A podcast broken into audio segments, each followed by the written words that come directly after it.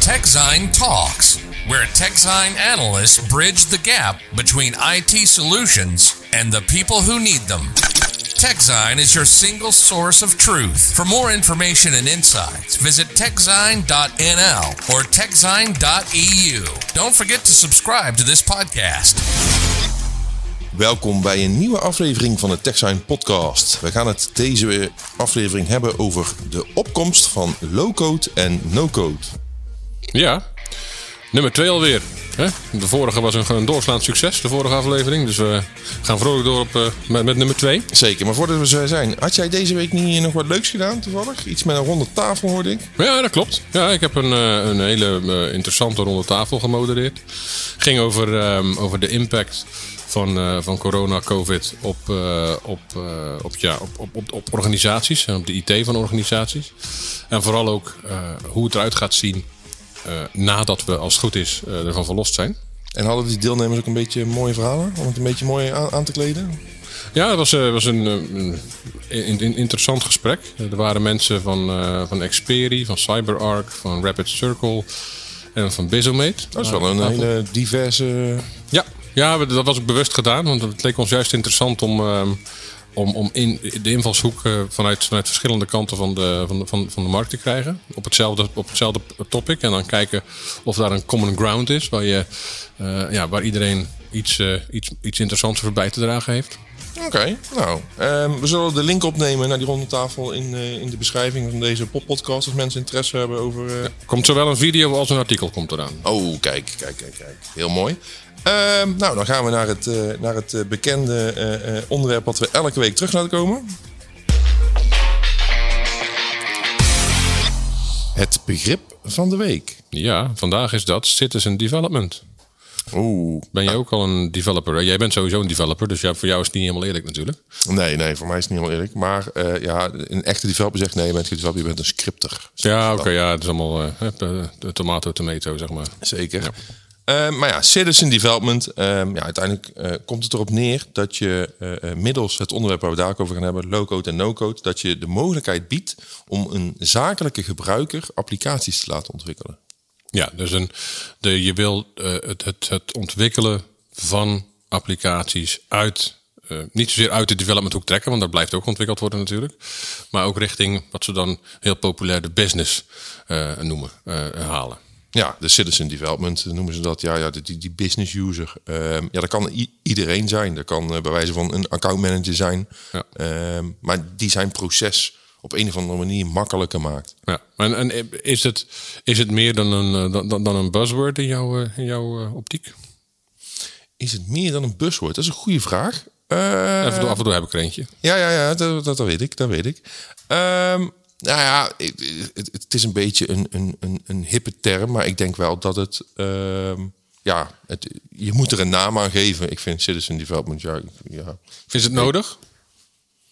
Ik denk wel dat het nodig is, want zeker met het tekort aan ontwikkelaars is het wel handig als je op een of andere manier met de juiste tooling toch ja, wat meer uh, uh, development kan realiseren. Ja, maar de, uiteraard zitten hier ook wel limieten aan. Want de, de, de term citizen development doet vermoeden dat uh, iedereen kan ontwikkelen. Nou, je moet er wel even in, in veel gevallen twee dagen of zo een cursus voor volgen.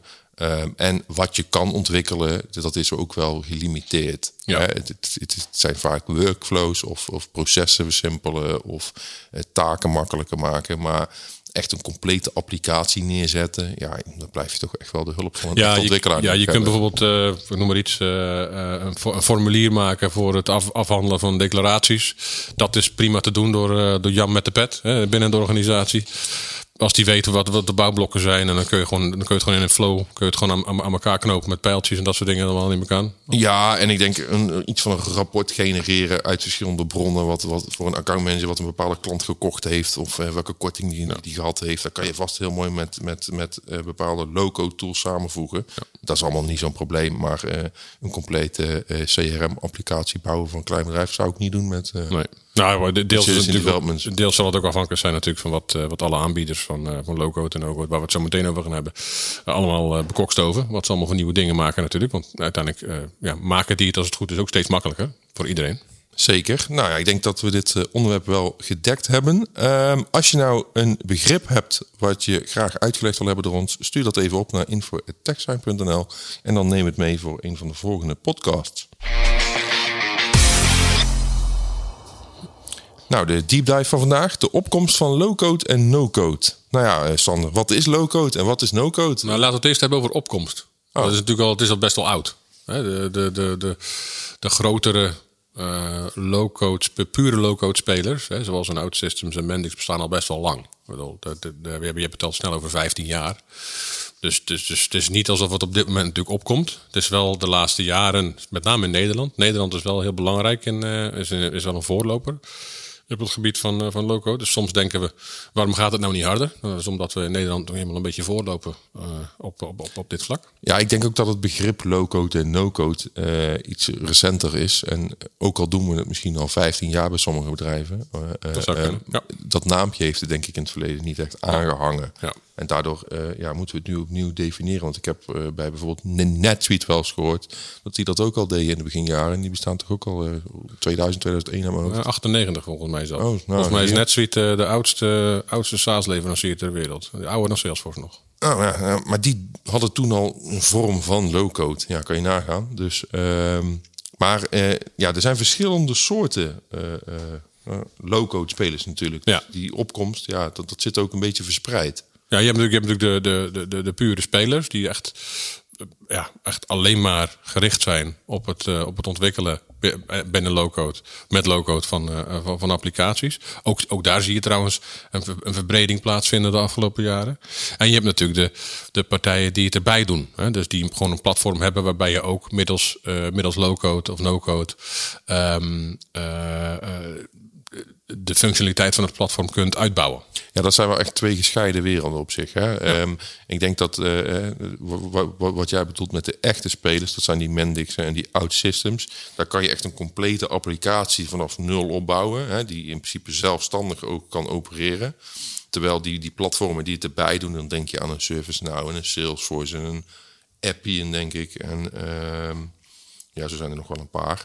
Um, en die hebben vaak in het midden een soort database model hè, of een eigen platform. En daar moeten eigenlijk al die applicaties overheen. Dus als je een applicatie bouwt, dan zit er ja. altijd zo'n soort system of records idee ja. in het midden van een van die spelers. Dat is dan gelukkig wel allemaal cloud gebaseerd tegenwoordig.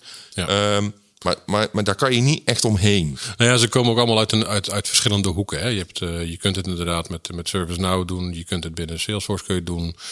Maar inderdaad, wat je zegt, uh, Appium met Pegasystems. Met bijvoorbeeld Appium en Pegasystems komen heel erg sterk uit, uh, uit de BPM-hoek. Business uh, Process Automation. Ja, ja hyperautomation, dan gaan we door. Hè. Alle, alle, alle mooie termen. Maar die komen uit, uit die hoek van het optimaliseren van processen. Terwijl natuurlijk Salesforce en ServiceNow komen dan weer uit een andere hoek. Terwijl ook een partij als Oracle een, een, een, een, een low-code onderdeel heeft bijvoorbeeld. Uh, die komen weer uit een andere hoek. Dus je, je, het is ook een beetje. Misschien is dat ook wel de reden geweest dat er op een duur een keer de term low-code verzonnen is, omdat het steeds populairder werd, ook bij, bij, bij dat soort platformen. Dat, je, dat, je, dat het in ieder geval ergens uh, uh, een naamtje kreeg. Ja, sorry. Jazeker. Ik ben alleen benieuwd hoe bedrijven dit dadelijk gaan in, inzetten. Want ze hebben natuurlijk die hele brede keus. Um, ja, wat past nou bij welk bedrijf? Dat zal ook een, een, een, een discussie zijn. Die ja, het is natuurlijk, het is natuurlijk als, je, als, je, als je kijkt naar, naar wat je net aanhaalde, inderdaad, de, de, het onderscheid tussen de, de, de, de, de pure play uh, low-code mensen, zullen we ze maar noemen, partijen zullen we ze maar noemen, en de, en de, de partijen die het erbij doen, heb je natuurlijk, als jij uh, SAP draait, bijvoorbeeld, waar we toevallig in onze vorige aflevering over gehad hebben, um, dan, en je wil uitbouwen, dan kun je daarbovenop bouwen met een Mendix. Of, ja, dat is een partner van ze. Ja, dat is een partner van ze. Dus die, je kunt dan die. En op die manier breid je de functionaliteit uit van uh, andere onderdelen. Terwijl je bij die andere partijen natuurlijk vooral de functionaliteit van het eigen platform uh, uitbreidt. Ik denk dat dat het grootste verschil is. Voor de organisatie, voor klant uiteindelijk. Wat, wat, wat ze ergens mee kunnen. Ja, en ik denk ook een beetje dat de vraag is uh, welk platform je al hebt. Want uh, ik heb bijvoorbeeld recent gesproken met EVBox. Die doen alles op basis van Salesforce. En die bouwen dan met het Salesforce-platform uit. Maar ze hebben ook SAP. En ze hebben dan SAP gekoppeld aan hun Salesforce-omgeving. Ja. ja. En dat, dat werkt out of the box volgens mij ook gewoon met, met dat Salesforce platform. Want SAP ondersteunen is gewoon zeer waardevol voor zo'n platform. Ja, natuurlijk. Je wil je, wil, je, wil je ontwikkeling, je, je applicatie development wil je zo, zo ook, ook richting je core brengen natuurlijk. En nu is Salesforce zelf ook al een core, uh, uh, een core platform. Maar ja, SAP is het zeker ook natuurlijk. Ja, Um, No-code hebben we eigenlijk nog niet echt besproken. Ik denk dat we er ook even naar moeten kijken. Nou, ik denk dat een van de, een van de, een van de zeg maar, uh, misverstanden binnen, wat betreft no-code, denk ik, is vooral dat het wordt gezien als een volgende stap. Uh, binnen van, van low-code, zeg maar. Dus dat je uiteindelijk van low-code altijd naar no-code gaat. Uh, en dat ik denk niet altijd. Nee, nee, maar het is ook een beetje. Is, is het überhaupt waar? Oh, ik denk op, tot, tot op zekere hoogte kan het waar zijn. Ik denk uh, um, dat voor workflows dat je zeker naar no-code kan. Want uh, daar kan je hele mooie drag-and-drop systemen verbouwen. Zonder dat je echt hoeft te coderen. En door middel van AI kunnen die systemen steeds slimmer worden. Om te detecteren hoe bepaalde data eruit ziet. En hoe je die moet gaan gebruiken. Zonder dat je die dan door middel van low-code moet gaan definiëren. Of moet gaan formateren naar een ander formaat. Um, dus daar zie ik zeker wel mogelijkheden. Ik denk ook dat, dat Microsoft daarom um, zeer uh, populair is met zijn uh, uh, platform voor low-code. Ja, maar het is, het is, het is, het is niet een, een, een gegeven dat je missen, denk ik. Nee, dat denk ik ook niet. Ik denk dat, dat bepaalde complexe applicaties, dat je altijd een vorm van low-code nodig hebt en dat no-code dat gewoon niet gaat halen. Ja. Nou, dat is natuurlijk altijd een beetje de, de, de, wisselwerking tussen standaardisering en customization natuurlijk.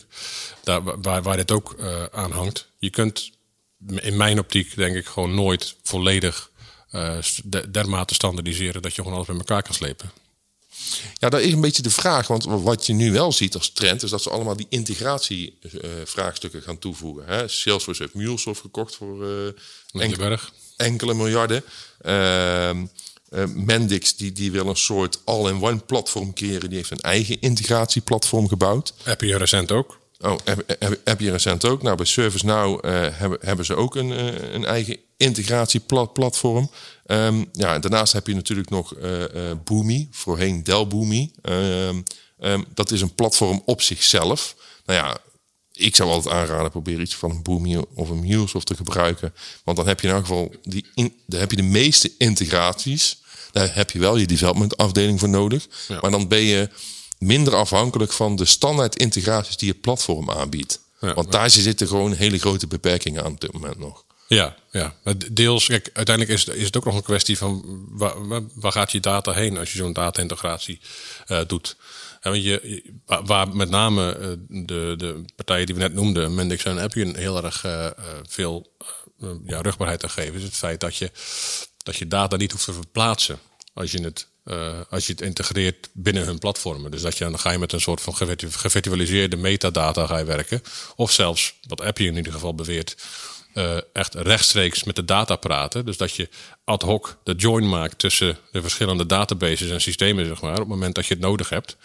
Als je grote cloud systemen gaat combineren, dan zou dat in principe ad hoc moeten kunnen. Ik denk dat Salesforce kan je prima real-time mee interacteren. Met SAP denk ik ook wel. Eh, zolang je dan de S4HANA Cloud gebruikt, waar we het de vorige aflevering over hadden. Uh, maar ja, zodra je met wat oudere, tragere databases gaat werken, ja, dan kom je op zo'n virtualisatie eh, dataset uit waarschijnlijk. Want anders is zo'n applicatie gewoon niet vooruit te branden. En dat is wel iets wat steeds belangrijker wordt natuurlijk.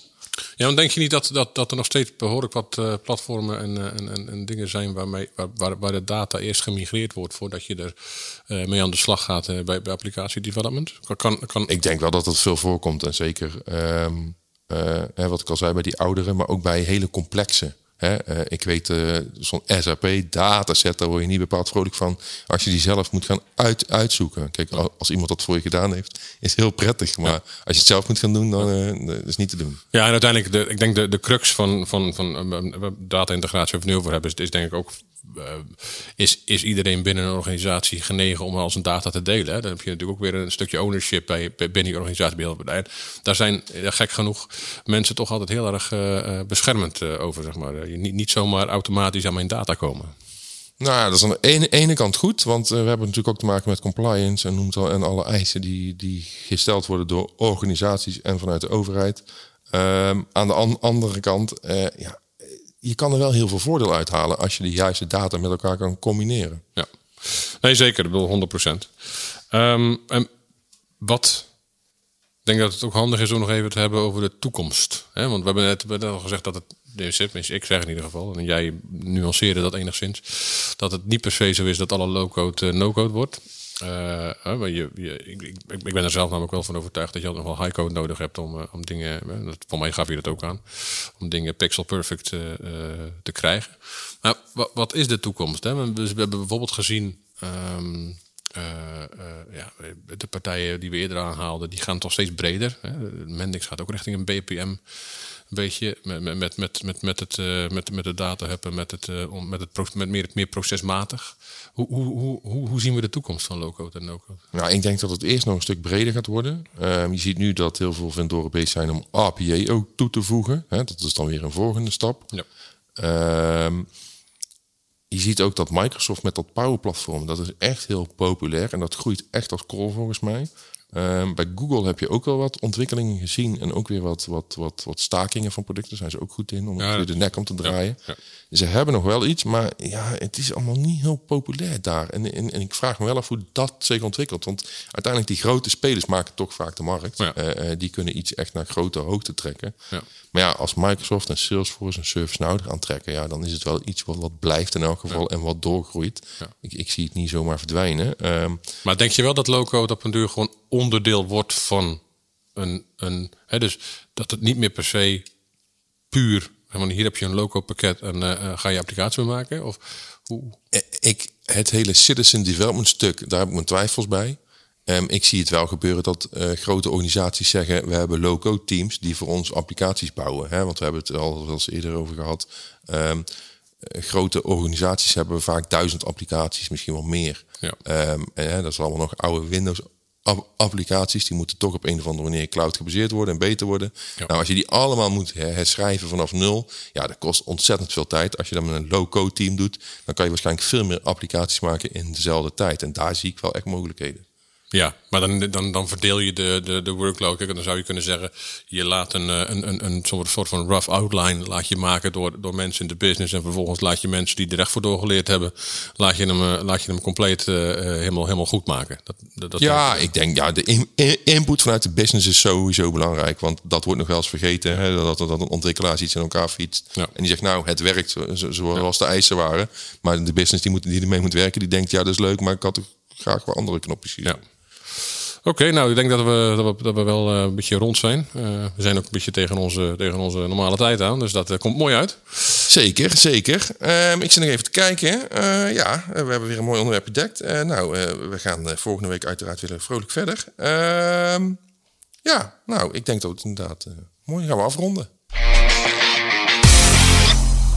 Bedankt voor het luisteren. Vergeet je niet te abonneren op onze podcast en kijk op de site voor onze meest recente artikelen www.techsign.nl of als je het Engels wil lezen www.techsign.eu.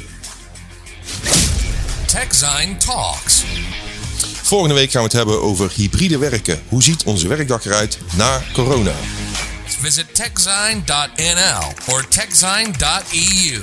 Don't forget to subscribe to this podcast.